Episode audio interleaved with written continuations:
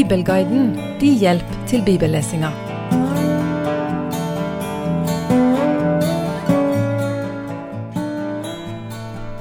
Profeten Samuel har truffet Isai og hans åtte sønner.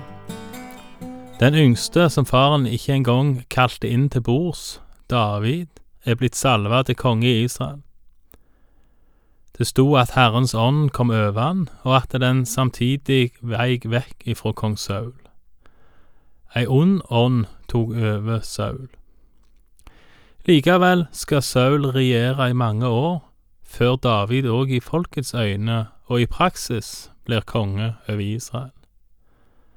Før det skal ha mye skje, og først av alt så kommer historien om David og Goliat, som nok er en av de mest kjente historiene i Bibelen.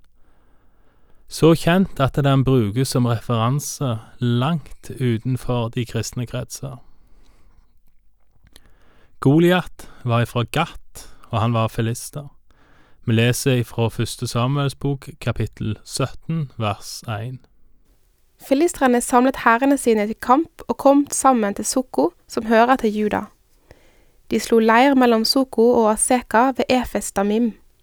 Saul og Israels menn samlet seg også. De slo leir i Terabinterdalen og fylket seg mot filistrene. Filistrene sto ved fjellet på den ene siden og israelittene ved fjellet på den andre siden, så de hadde dalen mellom seg. Da kom det en tvekjemper ut fra filistrenes leir. Han het Goliat og var fra Gatt. Han var seks alen og et spann høy. På hodet hadde han en kobberhjelm og var kledd i en skjellbrynje. Brynjens vekt var 5000 sekel kobber. Han hadde kobberskinner på leggene og et kastespyd av kobber på ryggen. Skaftet på spydet hans var som en vevbom, og spydodden veide 600 sekel jern. Skjoldbæreren hans gikk foran ham. Igjen samles filisterne og Israel til krig.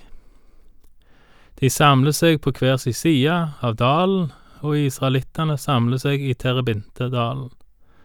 Terebint er et tre, eller et løvtre. Noen ganger brukes ordet eik istedenfor. Noe fritt oversett så kan en si at israelittene samla seg til kamp i Eikedalen. Hva holdt så Goliat på med?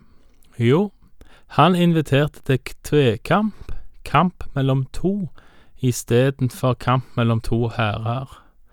Hvis to menn gjorde opp, så blei mange liv spart. Goliat, han var høg, sånn jeg forstår det, cirka tre meter. Han var svær, han var stor og tung, og det var òg hans krigsutstyr. Men hvem utfordrer han? Vi leser videre fra vers åtte.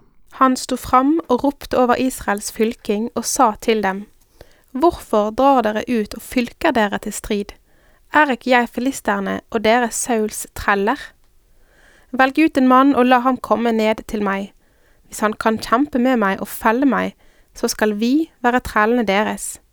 Men hvis jeg får bukt med ham og feller ham, så skal dere være trellene våre og tjene oss. Så sa filisteren, I dag har jeg hånet Israels fylking, kom hit med en mann så vi kan kjempe med hverandre. Da Saul og hele Israel hørte hva filisteren sa, ble de motløse og meget redde. Det står at både Saul og Israel ble redde og motløse av Goliat. Goliat henvendte seg til hele folket og kalte dem Sauls treller. Men ingen meldte seg. Heller ikke Saul meldte seg til kamp mot Goliat, sjøl om det i første Samuels bok kapittel 9 vers 2 står at han var et hode høyere enn alt folket. Saul var nemlig òg redd for Goliat, forståelig nok. Vi leser videre fra vers 12. David var sønn av den efraitten fra Betlehem i Juda som het Isai, og som hadde åtte sønner. Denne mannen var i Sauls dager gammel og skrøpelig. Isais tre eldste sønner var dratt ut med Saul i krigen.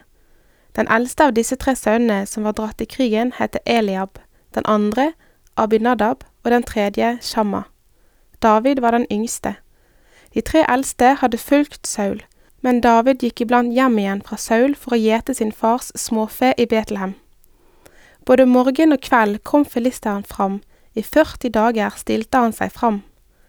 Så sa Isai til sin sønn David, Kjære, ta en efa av dette ristede kornet og ti brød til brødrene dine, og skynd deg til leiren med det, til dine brødre. Men disse ti stykker fersk ost skal du ha med deg til den øverste høvedsmann. Så skal du se til brødrene dine om det går bra med dem, og få med deg et pant fra dem.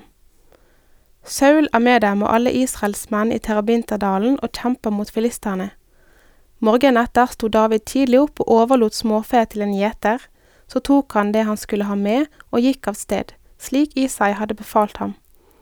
Da han kom til leiren, dro hæren nettopp ut for å fylke seg til strid, og oppløftet krigsropet. David, som var i Sauls tjeneste blant annet som harpespiller, hjelper likevel fremdeles til hjemme hos sin gamle far, og faren sender David til sine tre eldste brødre som er med Saul i krigen.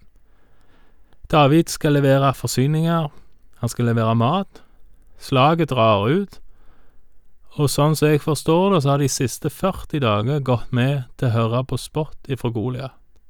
Neppe særlig bra for moralen. Vi leser videre fra vers 21. Og Israel og filisterne stilte seg opp, fylking mot fylking. David la ned de tingene han hadde med seg hos den som hadde tilsyn med forsyningene, og sprang fram til fylkingen. Da han kom dit, hilste han på brødrene sine. Mens han talte med dem, kom tvekjemperen, filisteren Goliat fra Gat, nettopp fram fra filistrenes fylking og ropte de samme ordene som før, og David hørte det. Alle Israels menn flyktet for mannen da de så ham, og var meget redde. Og en mann av Israel sa, Ser dere den mannen som kommer fram der? Han kommer for å håne Israel. Den mannen som feller ham, vil kongen gi stor rikdom og la ham få datteren sin og gjøre hans fars hus skattefritt i Israel. Da sa David til de mennene som sto tett ved ham, Hva skal han få denne mannen som feller denne filisteren, og tar skammen bort fra Israel?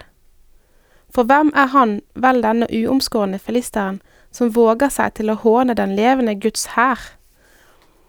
Og folket gjentok for ham de samme ordene og sa, Det og det skal den mannen få som feller ham. Eliab, hans eldste bror, hørte hva han snakket med mennene om. Da ble hans vrede opptent mot David, og han sa, Hvorfor er du kommet hit ned? Hvem har du overlatt de få sauene til der ute i ørkenen? Jeg kjenner ditt overmot og ditt hjertes ondskap, du har bare kommet hit ned for å se på slaget. Men David sa, Hva har jeg gjort nå? Det var jo bare et ord. Så vendte han seg fra ham til en annen og spurte om det samme, og folket svarte ham som første gang. David kommer med maten, og han la den fra seg ved lageret og sprang til fronten for å hilse på brødrene. Da kom Goliat fram og sa fram det han hadde sagt de siste 40 dager. David hører om dusøren som da Saul bokstavelig talt har sett på Golias hode, og David blir interessert. Så kommer den eldste broren Eliab bort til David, og han er sint. Han husker nok mer enn godt nok når Samuel salva David foran han og alle de andre seks eldre brødrene. Samuel sa nok ikke direkte at Gud hadde forkasta Eliab og de andre seks, men det var heller ikke nødvendig å si når alle måtte stå foran profeten og få et nei. Kanskje ser vi òg her noe av det som bodde i Eliabs hjerte, som var grunnen til at Gud allerede hadde forkasta ham. Jeg vet ikke. Uansett så er det en veldig treffende kommentar han har til sin lillebror. Hvorfor er du kommet? Hvem passer sauene? Med andre ord, du er jo bare en liten gjeter. Hvorfor vil du leke med oss viktige? Jeg tipper den svei ganske godt i ørene på David. Så beskylder Eliab broren for overmot og ondskap. Hvor han får ondskap ifra, det forstår jeg ikke heilt, men så er gjerne ikke heller relasjonen mellom Eliab og David beskrevet i detalj. Det kommer forresten lite fram at David er særlig ond i andre deler av Bibelen. Det med overmot er kanskje lettere å forstå, særlig hvis David har vist samme mot som han snart skal vise tidligere, og i tillegg, dersom Eliab ikke forstår eller ikke tror at Guds ånd er med David på en spesiell måte, så forstår jeg at Eliab kaller det for overmot. Brorens siste setning syns jeg ikke treffer helt, der han beskylder David for å komme for å se på slaget. Det å se på et slag krever vel neppe verken overmot eller ondskap. David er heller ikke kommet for å se på slaget, han er kommet for å avgjøre slaget. Men det er det vel ingen av de involverte som vet ennå. For vår del, som kanskje har vært i en menighetssammenheng eller en kirkesammenheng lenge, og som tror at vi vet hva som fungerer og hva som ikke fungerer, så er dette en historie til ettertanke. La oss passe på at vi ikke ser ned på våre småsøsken i truna, som kanskje ikke har hørt i 40 dager eller 40 år hva som går og hva som ikke går, og som kanskje har mer pågangsmot og tru på at Herren kan gjøre det igjen, enn hva vi etablerte kanskje har. La oss passe på at vi ikke blir sånn som Eliab, som trekker i tvil deres motiver, eller at vi ber de stille seg bak i rekkene, særlig ikke hvis rekken ikke er i bevegelse. Et forsøk på en liten påminner til oss alle der. Men David, som skulle levere mat til sine tre eldste brødre som var i krig, er nå kommet til krigsplassen. Han har hørt Goliat håne Gud, og han har hørt at det å felle Goliat vil gi stor rikdom. De aller fleste vet nok hvordan dette ender, men det får vi komme tilbake igjen til en annen gang. Takk for i dag, og Herren være med deg.